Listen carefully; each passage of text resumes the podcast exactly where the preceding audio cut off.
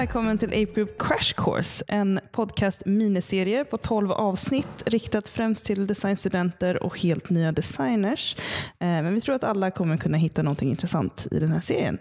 Här kommer vi gå igenom grunderna, termer som designers slänger sig med och lite handfasta råd. Eh, Jag heter Linnea och med mig idag har jag Nils Sköld. och idag ska vi prata om Att söka jobb. Att hitta sitt eh, drömjobb. All right, men vi börjar direkt. Vad är det första man ska göra? Ni som har lyssnat på vårt förra avsnitt eh, kanske vet att först så ska man bestämma sig vad man faktiskt kommer söka till. Precis. Och eh, göra research är en jävla bra grej att börja med. Eh, men jag kan berätta hur jag har gjort när jag har sökt jobb. Då har jag liksom gjort en lista egentligen. Eh, jag har listat fem stycken av de, där jag helst vill jobba. Eh, och Sen har jag gjort ansökningar, lagt ner mycket tid på ansökningar till just de fem. Eh, hittat liksom vilken roll och om de inte har en roll utlagd, hittat vilken roll jag skulle vilja ha eh, ändå. Och sen liksom gjort i princip skräddarsydda portfolios och personliga brev för de fem. Väntat en vecka, inget svar. Ja, men då tar jag nummer 6 till 10 på listan och sen gör jag så tills jag får ett jobb. Det brukar ta en månad ungefär. okay. Nils, Nils är ett extremt extremfall. Eh, men det är faktiskt hälsosamt att kolla upp eh, en hel del olika eh, ja, arbetsgivare egentligen som man skulle vara intresserad av eh, innan man börjar söka hos någon egentligen. För Det blir lätt så att man, liksom så här, man söker till någonting och sen så kommer man in kanske och så hör man från någon annan som, som man var lite mer intresserad av lite senare. Och det kan ju alltid vara tråkigt liksom, situation. Ja, och sen, jag fick väldigt tidigt liksom så här, ja, men du måste läsa på om företaget. Jag trodde liksom på något sätt att det var en, ja, men lite som att man, det här tipset om att man ska ha inga felstavningar i sitt personliga brev, för då försvinner det direkt. Det är obs, inte sant. Eh, men jag trodde också att jag till en början, trodde jag, typ som det första jobb jag sökte, då trodde jag liksom så här, ja, men det är bara en punkt som de kollar av. Så jag typ så här rabblade Wikipedia-fakta om företaget. Ja, grundades 2012. Och det var ju helt fel. Utan det som man ska göra, det de är ute efter är ju att veta varför man vill jobba där. Och då så ska man ju men så här, ja, men jag såg att ni skrev den här artikeln. Ja, men till exempel Kikki som gjorde exjobb här. Det första hon sa ju var liksom så här, jag lyssnar på er podcast, tycker den är sjukt intressant och jag, nu har jag hittat lite grejer jag skulle kunna hjälpa er med. Och det fick oss direkt att tycka att det här var jävligt intressant. Liksom. Exakt, så ett tips, hitta, eh, smickra någon på företaget för att de har gjort någonting som du tycker om. Ja, och hitta gärna en, nu ska vi prata om personliga brev och sånt lite senare, men alltså hitta en grej. Peka på att ni faktiskt har tagit del av någonting och kanske till och med skriva, jag läste den här artikeln ni gjorde och tyckte den här grejen var så jävla intressant. Är det någonting så att, man, så här, så att man visar på att man är intresserad Ja. i företaget. Det går att fejka rätt lätt också. Ta inte den första nyheten, bara ta den tredje. typ. eh, jag kan också berätta, en, liksom, eh, när jag sökte jobb, när jag sökte mitt exjobb på Ericsson så hade jag liksom läst, här, läst på lite och det var även här då jag rabblade. Men då, då frågade de så här, varför vill du jobba i Dublin? Eh, var jag då svarade direkt, ah, men jag älskar Storbritannien. och då, eh, det är typ det värsta man kan säga till en irländare. Eh, så det fick jag höra senare, att det hade bara blivit helt, liksom, alla bara tittat på varandra och börjat asgarva och hålla sig för munnen när jag gjorde den här telefonintervjun. Men jag fick jobbet ändå, men det hade ju varit en sån, det var inte bra. Så gör research och läs på om allt. Sen när man har researchat så behöver man tänka på sin portfölj. Eller egentligen ska man ha tänkt på sin portfölj innan man researchar. Men Varje dag ska man tänka på sin portfölj egentligen. exakt. Eller en gång den eh, första maj, vad är det? Första, femte maj? Just det, när man ska... Man ska relauncha sin portfölj som, eh, som designer. Nej men seriöst, oavsett hur gammal du är eh, och hur långt du är i karriären, tänk på din portfölj en gång per år. Det är hälsosamt. Jag gör inte det. Gör du det Linnea? Eh, nej, eh, och det kan vara lite pinsamt ibland när folk säger Åh, jag såg att du eh, kollade på din portfölj och såg att du hade gjort det här. Och så inser man att det är någonting man gjorde för typ fyra år sedan och råskäms för nu. Eh, men ja, Och Det har skrivits väldigt många liksom, artiklar om hur man ska göra bra portföljer. Jag tycker Jenny på Ueno har skrivit en för typ en månad sedan som är väldigt, väldigt bra. Det finns massor att läsa där, men liksom, det viktigaste av allt, ljug inte i din portfölj i, eh, ja okej.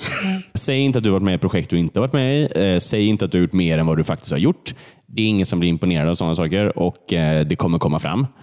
Två, prata mer om arbetet fram till slutprodukten än faktiska slutprodukten. Är du en visual designer, visa slutprodukten. Det räcker.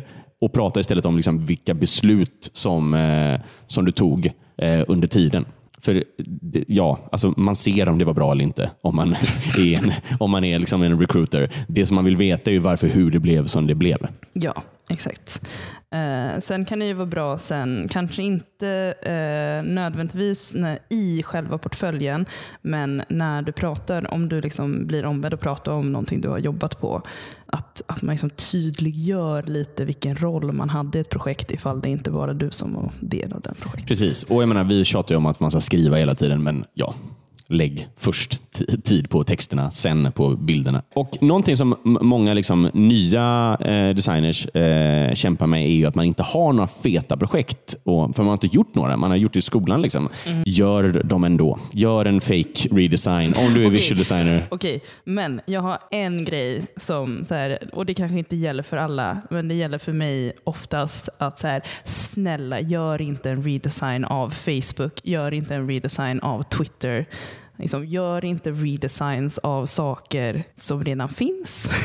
som eh, du kanske inte liksom, förstår komplexiteten i.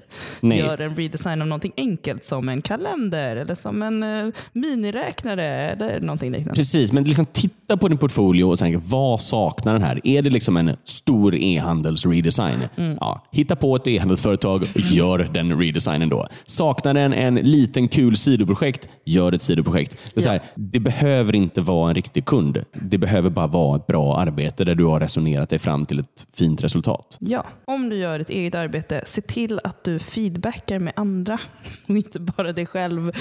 För att då kommer det bli ett mycket bättre arbete. Det gäller ju all design, men det, gäller, det, det är väl kanske på sina egna portfolios som man tenderar att minst fråga efter eh, råd. Ja, exakt.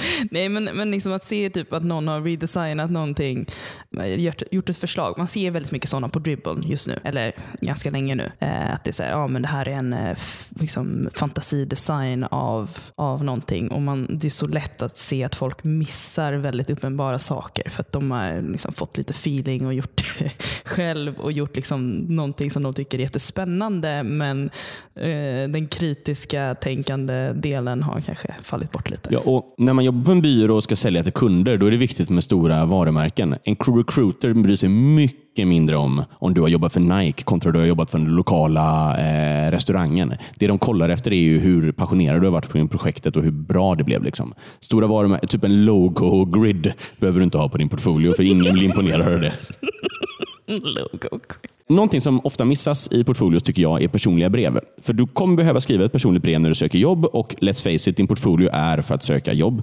Det jag brukar göra eh, är att jag skriver ett liksom generiskt personligt brev, typ en så här på about-sidan, en halv A4 eller någonting. Och sen, det som jag gjorde när jag sökte jobb eh, i Stockholm, då gjorde jag först en generisk portfolio och sen gjorde jag en kopia av den för varje. Så jag, liksom, jag hade så här, snedstreck hello kruna snedstreck hello ja, och så massa byråer. Eh, eh, Ehm, och Sen så började jag liksom med mitt personliga brev, men då hade jag lagt till ett stycke på början och en liten grej på slutet som var liksom personligt för just den byrån. Eh, och Det funkade bra. Det var så att Kruna, där jag fick jobbet, ah, Niklas som är HR-chef, han fattade ju vad jag höll på med där. Så han bytte bara ut Kruna mot andra byråer och hittade hur många byråer som helst i Stockholm. Hello Dobermann, hello. Men eh, han tyckte ändå att eh, den personliga biten var liksom, eh, eh, bra nog. Så det, för det, men det är ett bra sätt att göra det. Liksom. Eh, alltid att ha en generisk bas och sen bygga ut med den personliga. Så du inte behöver sitta där och bara, okej okay, nu ska jag skriva en A4 för eh, Spotify, nu ska jag skriva en A4 för King. Sjukt jobbigt. Ja, exakt. Man hittar liksom så specifika delar där du kan göra personligt för företaget, men du behöver inte göra... Alltså, din historia om vem du är kommer inte vara annorlunda beroende på vart du söker. Nej. Och personliga, varje gång jag fått eh, intervju hos eh, Fantasy, tre gånger, har jag refererat till en person som jag inte känner överhuvudtaget, som heter Erik Winn. Han är kompis till en kompis och sagt så här, jag känner Erik. Och de bara, oh, okej, okay. för då, det är bra. Hitta någon som jobbar där, lär känna den personen på LinkedIn och sen referera till den i, i mejlet. Då får du garanterat en intervju. Okay.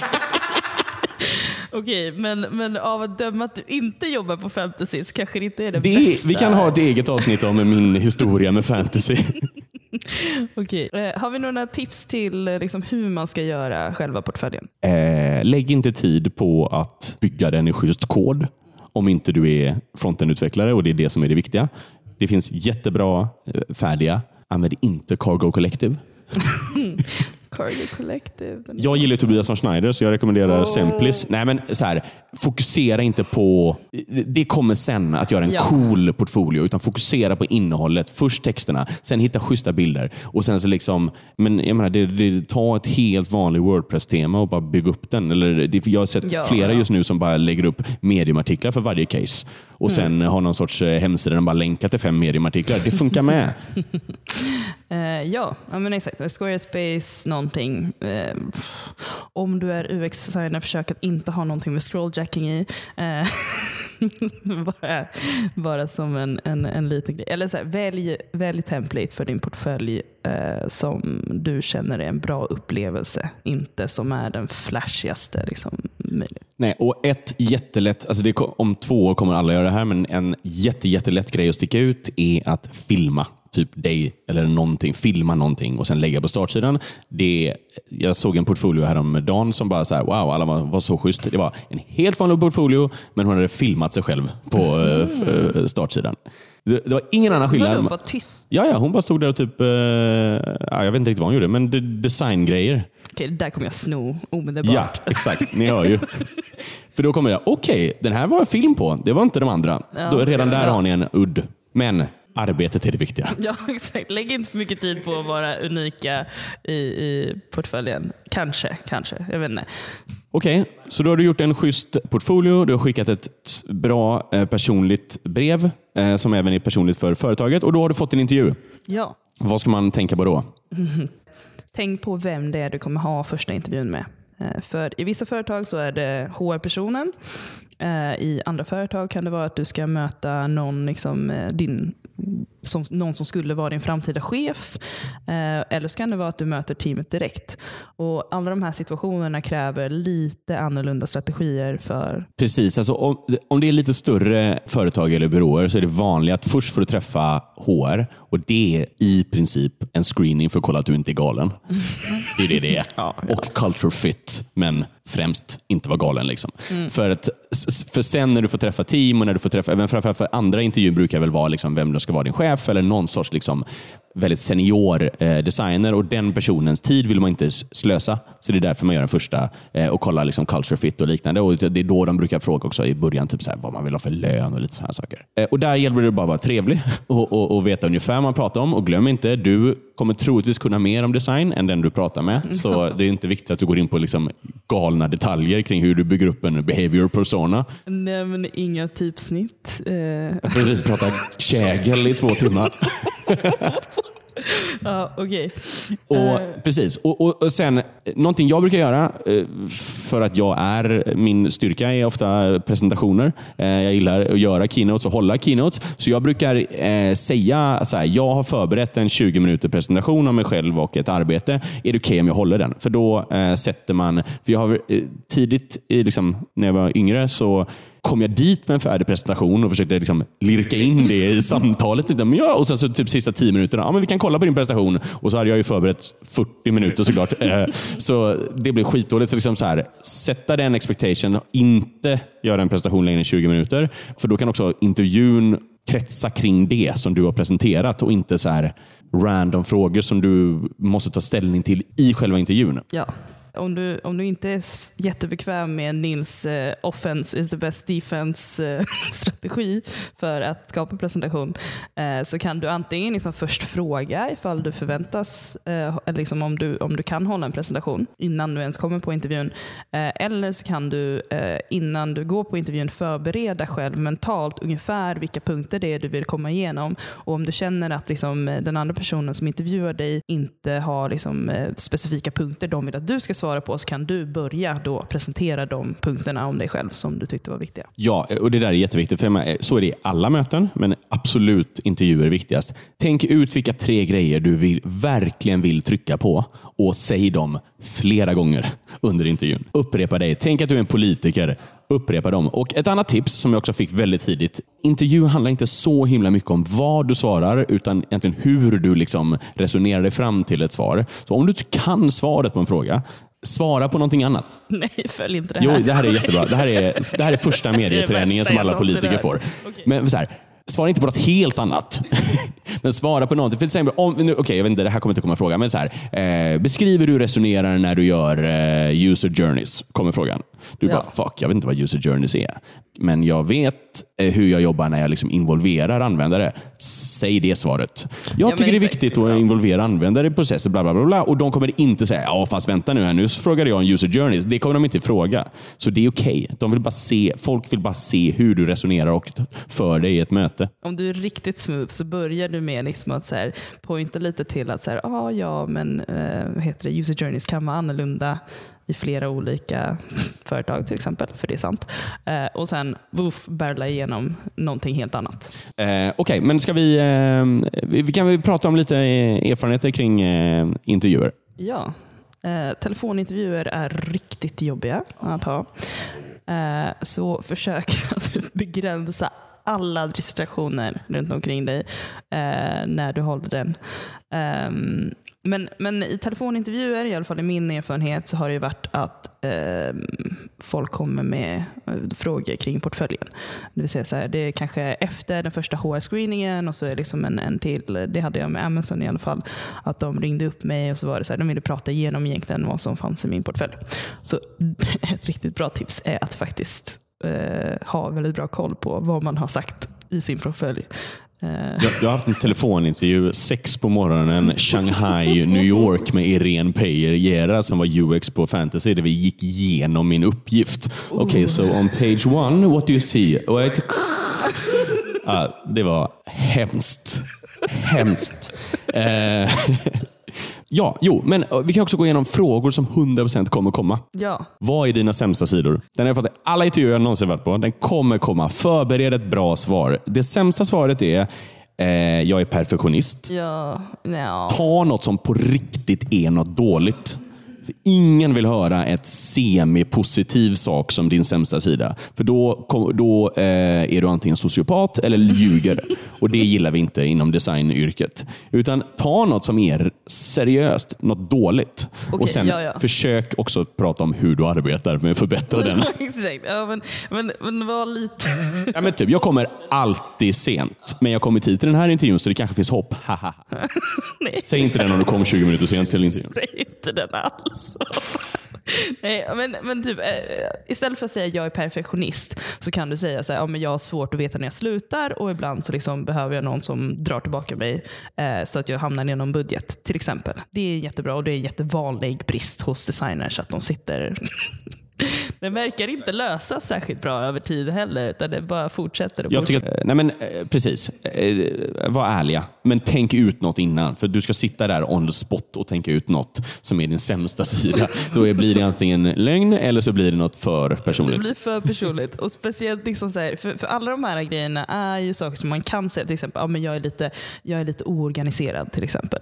Eh, men, men då ska man ju liksom förklara det på ett sätt där det inte är så här att typ, du inte kan leverera på deadline. Utan det handlar mer om att kanske dina kollegor klagar över hur ditt skrivbord ser ut. Eh, så det är väl, um, var lite smart med hur du förklarar dina brister.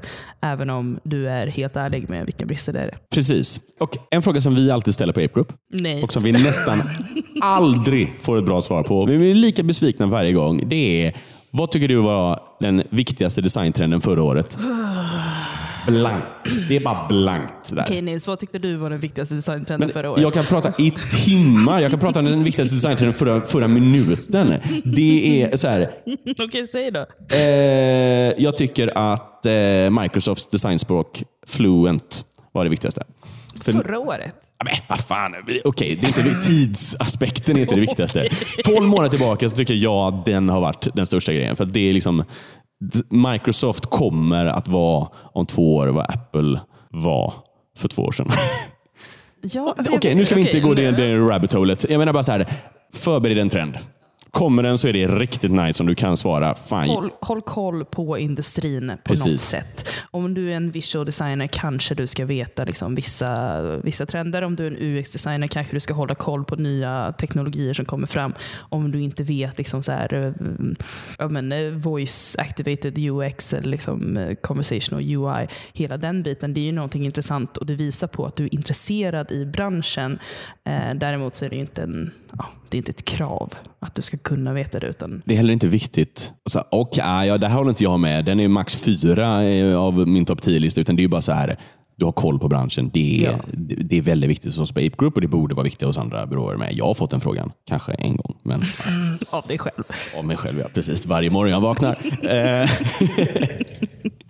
har vi några mer frågor som liksom alltid kommer? Ja, men det är ju den här varför vill du jobba på det här företaget? Eh, och den ska du ha researchat och skrivit i personliga brevet, så den ska du ha koll på. den ska du ha riktigt bra koll på. Och, jag menar, det kan också vara en person. Jag vill verkligen jobba med XXX. Det är en jättebra anledning att, att eh, jobba. Eh, och sen, jo, jag kom på en nu. Alltså, de, det, det förväntas att du ställer frågor. Och Det tycker jag alltid är skitsvårt, för jag researchar så mycket så jag vet allt. Jag, så här, jag, jag, jag vet allt. Jag behöver inte veta några frågor. Men det jag brukar fråga är, hur ser liksom eh, en normal vecka ut för eh, designers? Någonting som är bra att fråga är hur de jobbar med mentorskap. För det visar på att du är liksom, visar framfötterna och de kommer bli helt ställda för de jobbar inte med mentorskap. så de bara fuck, den här gubben är skarp. Eller så vill de inte anställa dig för att du bara säger Oh, den där jobbiga. Nej, nej, nej, nej, nej, nej. Vi behöver någon som bara ja, säger ja här. Nej men exakt. Och också, ehm, jag, brukar, jag brukar fråga ungefär hur de jobbar. Liksom vilken teamsammansättning det är, hur man jobbar liksom designers emellan, utvecklare emellan, vilken typ av process man har. eh, den typen av grejer. Vilket eh, du kommer vara väldigt bra påläst om, om du lyssnar på hela den här serien. Ja, det får man verkligen hoppas att du gör. Ja, jag frågade en gång vad är sämst med arbetsplatsen. Det flög inte alls. Uff, Ja. Varför det? Jag trodde det skulle vara smart där, men, Ja, det, men det är de bara, ja, jag vet inte. Det... det- jag kom bara ihåg att det inte flög. Jag bara, okej, vad är bäst då? Det flög. Okej, ja, men det kanske var... Jag tror det var fel person jag frågade också. Men, eh, ja, men eh, var kanske inte för smart där. Liksom. Bara gen, verka genuint intresserad. Typ så här, vad kommer jag få för arbetsuppgifter? Ja. Eh, Vilken, eh, så här, ja, men, ofta säger att de är, är de uppdelade i team och så har team olika kunder. Så bara, men ungefär vilket team kommer jag hamna i och vilka kommer jag jobba med? Typ sådana grejer är, tyck, verkar på att du är intresserad och det är faktiskt kul för dig att veta också. Okej, och sen har vi då den eh, sista och av, eh, avslutande punkten och det är uppgift. Och Det kommer du inte få göra. Det är inte alla byråer som har det. Vi har det ibland. Va? Det beror lite på hur man känner. Eh, men jag tror vi har, jo, det har vi. vi har det. Vi har det. alltid. Eh, men också inte bara byråer, men eh, produkt, eh, produkter också. Eh, När jag intervjuade för eh, Spotify så var det en hel dag. Eh, f- jag träffade fyra personer eh, på typ två timmar var. Eh, varav den tredje sessionen var eh, att göra en uppgift. Och Då var det egentligen jag, en utvecklare och en designer som först gick igenom uppgiften i typ en kvart. Och Sen fick jag välja en tjänst. Jag tror jag fick välja mellan så här WhatsApp, tre tjänster. Jag valde WhatsApp i alla fall. Och Sen så hade de en brief, typ så här, ja, men gör den mer social, tror jag det var. ja. Och sen fick jag, så lämnade de mig och sen fick jag rita på en whiteboard i en timme. Och sen kom de in igen tillsammans med en chef. Och sen fick jag presentera min idé och sen hade vi en design review i 30 minuter där vi tillsammans diskuterade läsningen. Aha, ja, Mm. okej. Var det bra? Det var ju svårt alltså. Det var ju väldigt svårt. Men eh, jo, det var bra. Alltså, jag fick ju använda telefon och, och, liksom, och, och googla och liknande grejer. Eh, de var ju inte där i rummet heller, vilket var ganska skönt. Eh, men jo, det var ganska bra. För det, ett problem, um, vi kan ta din. Ja, min. Ja. Nils pratar om min, min extremt eh, vad heter det, eh, svåra och jobbiga eh, intervjuprocess för Amazon när jag bodde i London. Ehm, som var så här, eh, först gick jag igenom typ tre telefonsamtal, eh, telefonintervjuer och sen kom jag på en onsite för en hel dag. Första jag gjorde, gå in, presentera mig själv och mitt arbete för typ sex personer. Eh, och Sen skulle jag göra en uppgift med en person i rummet där jag skulle, vad heter det, mm, men då var det någonting som man säger, det var ganska kul för de rullade ut det här efteråt, men eh, att de skulle göra ett Playstation interface för IMDB skulle börja sända film. Mm, liksom ganska komplicerad uppgift. Och så var det så här, ah, okej, okay, kör typ. aldrig aldrig jobbat med Playstation interface för så här, knappt koll på vilka knappar det är på kontrollen. Ehm, men, men det var ganska kul. Då fick man gå igenom och så, så medan jag ritade så försökte jag fråga frågor om så här, vad är möjligt? Vad finns det för liksom, begränsningar på det här? Vad ska jag tänka på? Ehm, så det var kanske det de ville få ut av mig bara. Ja, och slutresultatet. Jag menar, eh, på Spotify-uppgiften på samma sak. Det jag presenterade var ju egentligen arbetet fram till. Alltså, du kommer inte kunna ha något fantastiskt slutresultat mm. på en timme där du har fått uppgiften samma, samma tid. Liksom. Mm. Utan det är ju hur man resonerar. Min, min brorsa jobbar som, eller har jobbat som så här investment banker på Nordea. De in, intervjufrågorna är helt sinnessjuka. Det är typ så här, eh, du bygger en kub av eh, sockerbitar, eh, 12 gånger 12 bitar i, eh, och sen sprayar du utsidan. Hur många av sockerbitarna har färg på sig? Typ. Oh, intressant. Ja. och Då får man säga så här, Okej, okay. och så får man bara resonera hur man, då ska vi se här då, 12 gånger 12, ja då är det så många på varje yta. Ja, det är en kub, men vi kan skita dem i mitten. Nu får mm. man tänka på, just det, de på hörnen, de får spray på sig två, två gånger. Ja. De i hörnhörnen får spray på sig tre gånger. Så, och, man, du behöver inte komma fram till rätt svar, men du mm. behöver resonera dig på ett rätt korrekt sätt för hur du ska komma fram till svaret. Och Det är samma sak med design. Du behöver ställa rätt frågor. Okej, okay, vem gör jag det här för? Målgruppen? Vad är strukturen? Vad är viktigaste vyn? Ja, men okej, vad borde funka? Typ så. Ja, exakt. Alltså, hoppa inte till en... Um, eller så här, om du gör ett hopp till, till någonting. Till exempel om du, så här, du får det här uppdraget och sen så hoppar du direkt till att göra en app eller en webbplats eller liksom någonting sånt. Uh, bara för att du är på ett företag som gör det. I så fall måste du, du måste kunna argumentera för varför du gjorde det hoppet eh, förutom att om en, ert företag gör det här. Eh, så, så det är liksom en grej. Däremot så har jag en, en liten intressant sidospår som så här, eh, frågor som kommer som den här kubfrågan eh, i alla fall i USA så var det ganska vanligt att man hade varför är brunnlocken runda? Kan du den? Va? Nej, nej. Men de är runda för att om de var fyrkantiga så skulle man kunna ställa dem på en liksom vinkel så att de ramlar ner diagonalt mm. in i brunnen. Men om de är runda så kan de inte det. Så. Den, men den var jättepopulär som en fråga för designers. För liksom så här, kolla om du kunde tänka kreativt kring en fråga. Okay. Om ni någon rekryterar ute som kör gåtor, sluta med det. Sluta med det direkt. Um, men, okay, så det är den uh, lite tuffare, men kanske mindre tidskrävande och kanske lite mer rättvisa uppgiften uh, som kommer mer och mer. Sen har vi den andra då, som är egentligen hemuppgift. Mm. Uh, jag har gjort två stycken, båda för fantasy. En 2011 och en 2015 tror jag. Och Där var det egentligen, här i briefen, skicka in slutresultatet om en vecka. En Knep, vecka? Ja, knepet där är att lägga tre, fyra gånger så mycket mer tid eh, som de säger att man får. Okay. Jag tror vi brukar säga lägg ungefär åtta timmar på det här på Ape Group. Hint, lägg 24 timmar. För, ja, men, eh, i alla fall, men det är det enkla sättet. Jag jobbade fem, sex timmar om dagen med de här uppgifterna och eh, skickade det till flera folk som fick ge feedback och liksom klarade det. Så eh, Det är det enkla. Eller så är du ett geni och löser det på två timmar. Ja, men då skicka in det då. Liksom. Men, jag tror att det kan vara en styrka. Så här, om, så här, jag tror det kan vara en styrka att göra det på åtta timmar sätta väldigt så här, strikt timebank för dig själv. Och sen ta lite tid att iterera ut, utöver de timmarna. Eh, för jag menar, så här, det beror på vilken situation du är i, men din tid är värdefull också. Så du ska inte låta ett företag slösa liksom, en vecka av din tid på... Eh, Nej, det kanske man inte ska, men en jobbintervju handlar inte om vem som har störst talang. Det handlar om vem som vill ha jobbet mest. Och den som lägger mest tid är den som vill ha men så här, jo, om du måste, jag menar så här, du får, du, När du söker jobb så får du bara skippa din fritid. Det, så är det bara. Jo, men jag menar så här. Jag, jag tycker inte att det är en bra sak att gå in och ljuga om och säga att man kan göra någonting på åtta timmar. Nej, nej. Om man har Säg att du la mer tid. ja, Säg att du la mer tid. Det, det, är ingenting du ska hymla med. Jag menar bara så att ingen av oss tycker att det är en bra grej att kanske skicka en hemuppgift och sen förvänta sig att folk ska lägga varje kväll i en vecka liksom, på det. Men är det det du har så är det det du får göra. Liksom. Så här, det finns ingen pride i att lägga sju och en halv. För ingen vill se det. Det finns ingen som bara wow, den här la verkligen rätt tid på det här. det beror på. Alltså, om du skickar in den typ två dagar efter du har fått uppgiften, då är det ju legit att du har lagt så där mycket tid då kommer man ju ta det i beaktning. För att när du intervjuar för en byrå så är en av sakerna också om du kan göra bra arbete under en tidsbegränsning. Absolut, så är det. Men, men framför allt om du är nyexad så tror jag så här, då, då kommer du, det kommer, ditt, din uppgift kommer stå mot minst en till, men troligtvis två till. Och Då kommer man bara jämföra uppgifterna. Och Sen kommer man säga, vilken är bäst? Den är bäst. Okej, vem var bäst på intervjuerna? Är det samma person?